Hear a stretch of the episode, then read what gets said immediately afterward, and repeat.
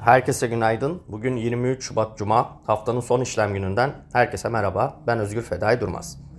BIST endeksi geçtiğimiz işlem gününü 35 puan artış, %0,38 yükselişle 9347 seviyesinden tamamladı.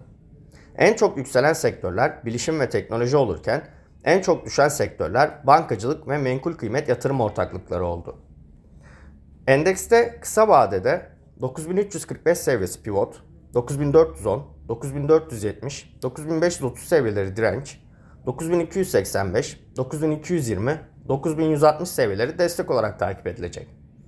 Türkiye Cumhuriyet Merkez Bankası tarafından Şubat ayına ilişkin politika faizi açıklandı.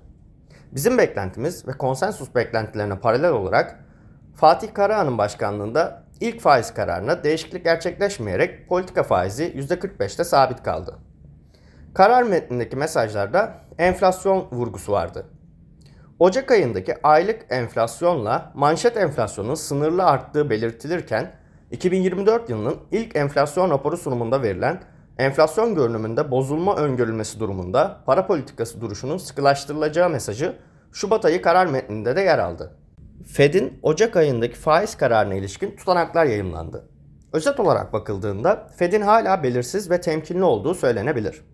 Fed'in Ocak ayı toplantısına ait tutanaklarda çoğu yetkili hızlı faiz indirmenin risklerine dikkat çekti. Yetkililer enflasyonun hedefe indiğine dair daha fazla kanıt görmek istediğini belirtti. Tutanaklar yetkililerin faiz indirimi konusunda aceleci olmayacağına ve enflasyon konusunda temkinli olduklarını işaret etti. ECB'nin 24-25 Ocak tarihlerinde yaptığı toplantının dün yayımlanan tutanakları politika yapıcıların faiz indirimlerini tartışmak için erken olduğu konusunda geniş bir fikir birliğine vardıklarını gösterdi.